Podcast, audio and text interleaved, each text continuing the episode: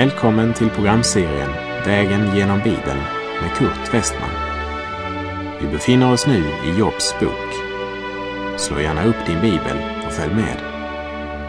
Programmet är producerat av Norea Radio Sverige. Vi har kommit till Jobs bok kapitel 5 där den första av Jobs vänner fortsätter sitt tal. Och jag sa i slutet av förra programmet att när det gällde lidandets problem så var det Elifas grundsyn att allt lidande är en direkt följd av synd och ondska. Medan sanningen om Jobb var precis tvärtom. Han led just därför att han var den mest rättfärdiga människan på jorden. Men Elifas och de två andra tröstarna, de bommade helt på sin uppgift. De blev varken till tröst eller hjälp för jobb. Och när vi har läst vad Elifas sa i kapitel 4 så har vi lust att ropa till honom. Sluta, du är på helt fel spår. Det du säger är inte till någon hjälp för jobb och inte är det riktigt sant heller. Vi läser Jobb kapitel 5 och vers 1. Ropa fritt, vem finns som svarar dig? Och till vilken av de heliga kan du vända dig? Det är trots allt en god fråga. Till vem vill du vända dig för att få hjälp? Jag tror inte varken jungfru Maria eller någon annan som av människor blivit helgonförklarade kan hjälpa dig. Elifas har ju både hus och hälsa i behåll, så han känner sig tydligen ganska överlägsen där han sitter och ser ner på jobb som från topp till tå är full av bölder och sitter i askan och skrapar sina sår, berövat allt det han en gång ägde. Elifas hade en favorittråd och den spinner han vidare på. Tänk om Elifas hade talat lika mycket med Gud som han talade om Gud. Då hade han kanske förstått att välsignelse och medgång är inte alltid samma sak. Vi läser vers 2 till och med 4. Se, dåren dräps av sin grämelse och den oförståndiga dödas av sin bitterhet. Jag såg en dåre, fast var han rotad, men plötsligt måste jag ropa ve över hans boning, ty hans barn går nu fjärran från frälsning, det förtrampas i porten utan räddning. Det Elifas här berättar att han måste ropa ve över en mans boning var ju snubblande likt Elifas förhållande till jobb och barnen förtrampades utan någon räddning. Briljant sätter Elifas kniven i ryggen på jobb. Hur djupt den stack och hur smärtsamt det sved för jobb att höra om en man vilkas barn var utan räddning. Ja, det kan vi knappast föreställa oss. Jag tror det var långt värre än att bli klassificerad som dåre. Och vi läser vers 6 till och med 9. Ty inte upp ur stoftet kommer fördärvet, ej ur marken skjuter olyckan upp. Nej, människan blir född till olycka som eldgnistor måste flyga mot höjden. Men om det nu var jag, så sökte jag nåd hos Gud. Till Gud hänsköt jag min sak, åt honom som gör stora och outrannsakliga ting, under flera än någon kan räkna. Det är otroligt. Elifas antyder att Jobb inte hänskjutit sin sak till Gud och han säger att människan blir född till olycka. Visst ligger det en del sanning i Elifas uttalande. För de flesta människor erbjuder livet många prövningar och svårigheter. sorger och smärta, oro och obesvarade frågor. Men det är inte därför vi har fötts. Det var inte Guds plan och tanke med ditt liv. Människan är skapad till Guds avbild, skapad till att leva i nära gemenskap med skaparen, skapad för att leva och vandra med Gud genom livet, för att vid uppståndelsen evigt vara tillsammans med Gud. Men på syndens och dödens jord kan inte människan undgå att möta syndafallets konsekvens. I Romarbrevet 5.12 står det Därför är det så, genom en enda människa kom synden in i världen och genom synden döden. Och så kom döden över alla människor eftersom alla hade syndat. Elifas har en gudsbild som är fruktansvärd. Han säger att människan blir född till olycka. Josef, han hade en helt annan gudsbild än Elifas. Josef upplevde ju att bröderna sålde honom som slav och han kastades i fängelse i Egypten. Men när Josef i Egypten får sitt första barn säger han Gud har låtit mig glömma all min olycka, som det står i Första Mosebok kapitel 41. Och när Mose gick i förbön för sitt folk säger han till Gud varför skulle egyptierna få säga till deras olycka har han fört dem ut? Och det står i Andra Mosebok kapitel 32. Ja, varför skulle egyptierna få säga det? Mose ber Gud se i nåd till sitt trolösa folk så att inte egyptierna får en fel gudsbild. Och så hänvisar Mose till löftet som Gud givit Abraham, Isak och Jakob. Mose vet att Gud har inte fört sitt folk ut ur Egypten till deras olycka utan till deras befrielse och räddning. Men Israels barns vandring, den var allt annat än bekymmersfri, som du kanske minns från vår vandring genom bland annat Andra Mosebok. Men Elifas känner inte den Gud som är barmhärtig och nådig, långmodig och stor i mildhet och trofasthet, som det står i Andra Mosebok 34.6. Elifas talar nog om att söka nåd hos Gud och han vet att det är rätt att säga så. Därför säger han det. Men han har en gudsbild som gör att han tror att människan är född till olycka. Så det kan verka som om Elifas är mera upptagen av medgång och motgång än av att vandra i personlig gemenskap med Gud. Vilken kontrast till Mose om vilken Bibeln vittnar i Hebreerbrevet 11, vers 24 26. I tron vägrade Mose som vuxen att låta sig kallas faraos dotterson. Han valde att hellre bli illa behandlad tillsammans med Guds folk än att en kort tid leva i syndig njutning. Han räknade Kristi smälek som en större rikedom än Egyptens alla skatter, ty han hade sin blick riktad på lönen. Sven Reichman har sagt följande klargörande ord om lidande. Lidandet kan vara en attack från mörkrets rike i avsikt att bryta ner en människa.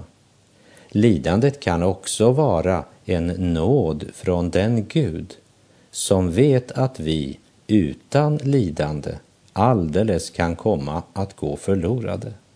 Elifas verkar vara mer upptagen av hur man slipper lidande och berätta för andra hur de ska göra för att slippa lida, än av att lära av den Herrens tjänare som utstår lidande.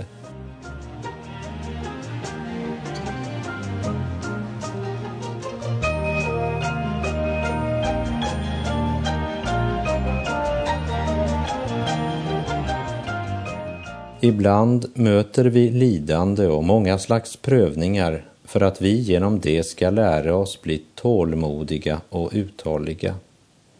I Jakobs brev kapitel 1, vers 2 och 3 så står det Räkna det som en stor glädje, mina bröder, när ni råkar ut för alla slags prövningar. Ni vet ju att när er tro sätts på prov så gör prövningen er uthålliga. Mose som hade vuxit upp i lyxen och rikedomen vid faraos hov måste fostras 40 år i öknens högskola innan Gud kunde sända honom för att leda Israels folk ut ur Egyptens fångenskap. Och när den välutbildade och nitiske farisén Saulus lärde känna Kristus så sa Gud i Apostlagärningarna 9.16 och jag ska själv visa honom hur mycket han måste lida för mitt namns skull. Hebreerbrevet 12, vers 11 säger För stunden tycks ingen tuktan vara till glädje utan till sorg. Men för dem som fostrats genom tuktan ger den längre fram frid och rättfärdighet som frukt. När vi nu läser vidare Elifas tal till Jobb så förstår vi att Elifas inte var öppen för att se saken från mer än en vinkel. Han utgår från att Jobb är en hycklare. Därför råder han honom bekänn, sök nåd hos Gud. Hänskjut din sak till honom. Hade Job varit den Elifas trodde så hade det varit ett mycket gott råd han kom med. För det rådet är i sig bibelskt och riktigt.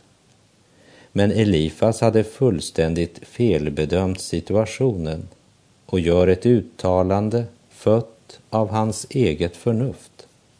Och det är alltid förvirrande för den som är i nöd när människor i köttet uttalar sig över andliga frågor i enskilda människors liv fast de inte har något ljus över saken. Visserligen är det sant att Gud vill upphöja det ringa och hjälpa det sörjande till frälsning. Men det är inte det saken gäller i den rättfärdige Jobs liv.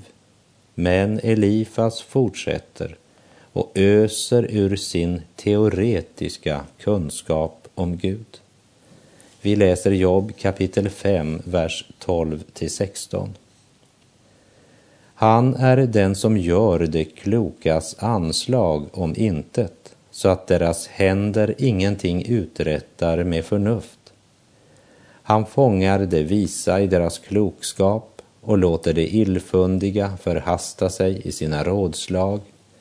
Mitt på dagen råkar det ut för mörker och famlar mitt i ljuset, liksom om det var natt så frälser han dem från deras tungors svärd.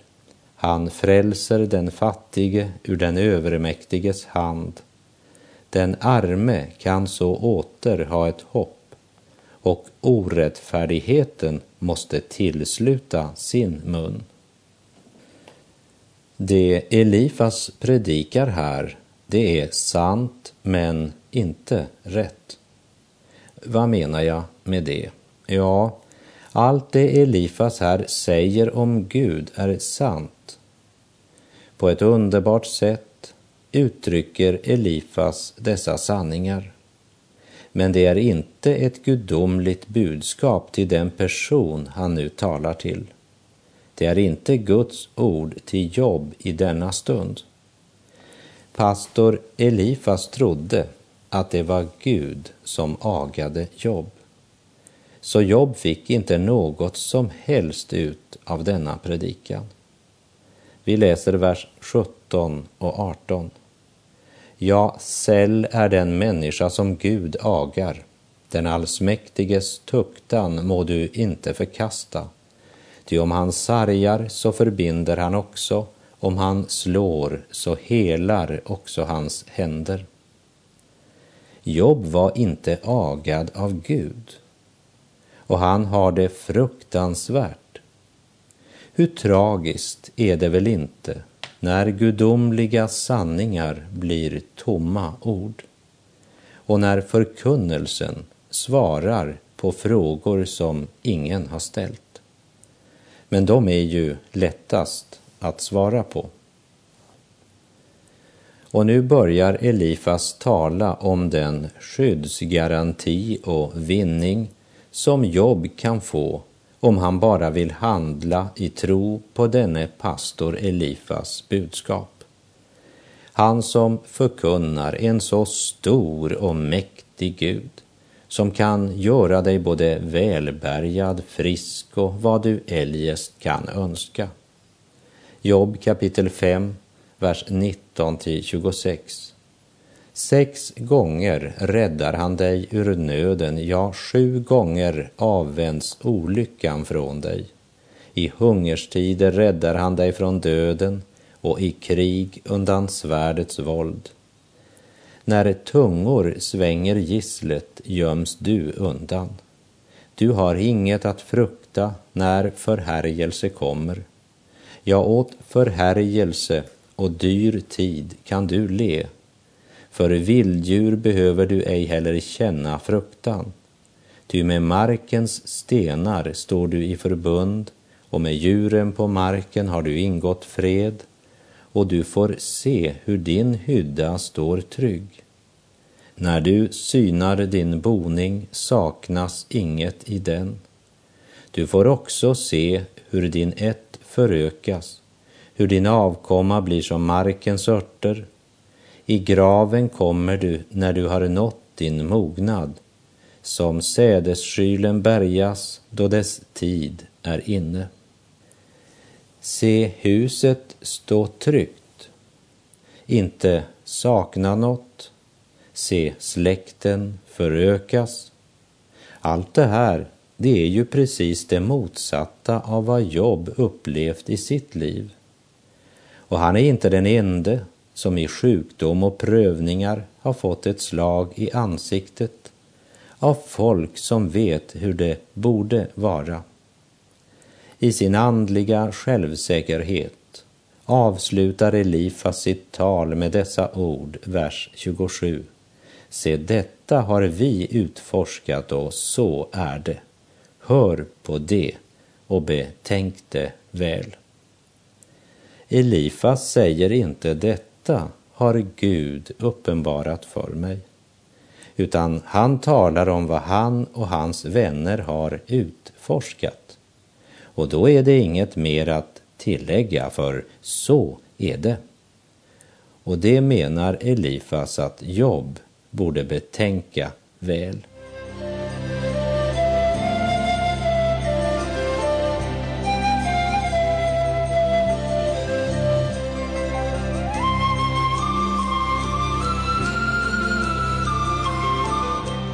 Ja, ska vi sammanfatta Elifas första tal så har han egentligen inte sagt något annat till jobben. Du har någon hemlig synd, så det du nu kan göra är att bekänna och få ordnat ditt förhållande till Gud och då ska allt bli så bra, så bra. Men då skriker Jobb som ett skadskjutet djur. Vi läser kapitel 6, vers 1 till och med 3. Då tog Job till orda och sade, ack att min grämelse blev vägd och min olycka lagd med den på vågen. Se, tyngre är den än havets sand. Därför kan jag inte styra mina ord, ty den allsmäktiges pilar har träffat mig och min ande dricker deras gift. Jag förskräcker förskräckelser från Gud ställer sig upp mot mig. Inte skriar vildåsnan när hon har friskt gräs. Inte råmar oxen då han står vid sitt foder. Det vill säga, jag har skrikit mitt förtvivlade varför och ni ser mig i all min djupa nöd men visar inget medlidande. Ni talar som till en brottsling och uppför er som om jag inte hade några problem alls. Fattar ni ingenting? Inte skriar vildåsnan när hon har friskt gräs. Vers 8 och 9. Ack att min bön blev hörd och att Gud ville uppfylla mitt hopp. O, att det behagade Gud att krossa mig, att räcka ut sin hand och avskära mitt liv. Här ropar en man som förlorat allt. Men det allra tyngsta är att han inte förstår vad som sker eller varför det sker. Nu har jag bara en önskan, säger han, att livet ska ta slut, för bortom graven räknar jobb med Gud. Vers 10. Då fanns ännu för mig någon tröst. Jag kunde då jubla fastän plågad utan förskoning. Jag har ju ej förnekat den heliges ord. Bortom graven räknar Jobb med att få jubla, även om han inte har något svar på varför han har blivit så plågad, ja, plågad utan förskoning. Han har skrikit ut sitt varför till Gud, men han har inte förnekat den heliges ord. Tänk, även i den här stunden räknar Jobb med den helige. Kära vän, hör noggrant på vad den hårt prövade Jobb har att säga. Kapitel 6, vers 11 till 14. Hur stor är då min kraft eftersom jag alltjämt bör hoppas? Och vad väntar mig för slut eftersom jag ska vara tålig? Min kraft är väl inte som stenens min kropp är väl inte av koppar? Nej, förvisso ges ingen hjälp för mig. Var utväg har blivit stängd för mig. Den förtvivlade borde ju röna barmhärtighet av sin vän, men se, man överger den allsmäktiges fruktan. Den som inte själv har varit i stor nöd och i sin nöd fått erfara Guds hjälp har inte heller någon hjälp att ge till den själ som grillas i prövningarnas ugn. Jag har inte fått någon hjälp, säger Job. men det är inte mig ni har övergett. Men ni fruktar inte längre den allsmäktige, det är saken. Mina bröder, ni är trolösa som regnbäckar. När torkan kommer finns det inte en droppe att få hos er. Ni har inte era rötter i källan. Ni är bara som regnbäckar, helt uttorkade. Vi läser vers 18 till 21. Vägfarande där i trakten viker av till dem men det finner endast ödslighet och måste förgås. Temas vägfarande skådade dit bort, Sabas köpmanståg hoppades på dem, men de kom på skam i sin förtröstan. De såg sig lurade när de hade hunnit dit fram. Ja, likaså är ni nu ingenting värda. Handfallna står ni av förfäran och förskräckelse utan några ägodelar, svårt sjuk, sitter jobb i askan, ser sina vänner i ögonen och säger ni är ingenting värda. Ni är ingenting värda, säger han till tre friska, välbärgade och självsäkra skrivbordsteologer, som mänskligt sett har allt. Även om Jobs ord vibrerar av profetisk kraft så är det hårdsmält kost för självgoda vänner som aldrig varit i prövningarnas ugn. Prövning är bara ett ord som de har studerat och diskuterat. Hör vad en hårt luttrad gudsman har att säga sina så kallade vänner. Verserna 22 till och med 24. Har jag då begärt att ni ska ge mig gåvor, ta av ert gods för att lösa mig ut, att ni skulle rädda mig undan min ovän, köpa mig fri ur våldsverkarens hand. Undervisa mig, så vill jag tiga. Lär mig förstå var i jag har farit vilse. Det vill säga, sluta prata generellt om synd. Var helt konkret. Om nu Gud har uppenbarat något för er och har han inte det, så håll mun. Ord och välformulerade föredrag imponerar inte på jobb. Hur länge ska ni fortsätta med teorier och endast med ord? Sluta pladdra och undervisa så ska jag lyssna. Och vi läser vers 25 till 27. Gott är förvisso uppriktigt tal, men tillrättavisning av er, vad hjälper den? Har ni då i sinnet att hålla räfst med ord? Och ska den förtvivlade få tala för vinden? Då kastar ni väl också lott om den faderlöse? Då lär ni väl köpslå om er vän? Ska den förtvivlade tala för vinden, det vill säga ni har aldrig kommit på tanken att ni kanske skulle lyssna för det gör ni inte. Och den respekt ni visar mig i min fruktansvärda nöd säger mig vad slags folk jag har att göra med. Ni kan köpslå om en vän. Vers 28 till 30. Dock må det nu behaga er att höra på mig. Inte vill jag ljuga er mitt i ansiktet.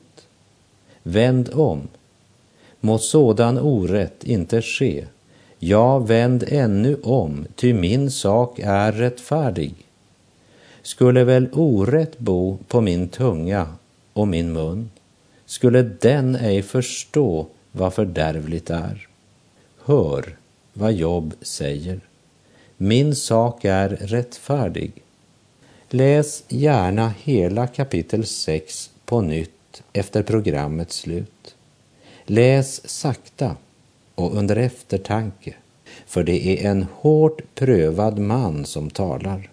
Och när han förlorat hus och hem, allt han ägde och alla hans barn hade omkommit, så sa han, Herren gav och Herren tog, lovat vare Herrens namn. Därför bör vi lyssna till vad han har att säga. Och det borde hans tre vänner också ha gjort. Men med det så är vår tid ute för den här gången. Och jag säger på återhörande om du vill. Herren vare med dig. Hans barmhärtighet är var morgon ny och hans nåd är evigt densamma. Gud är god.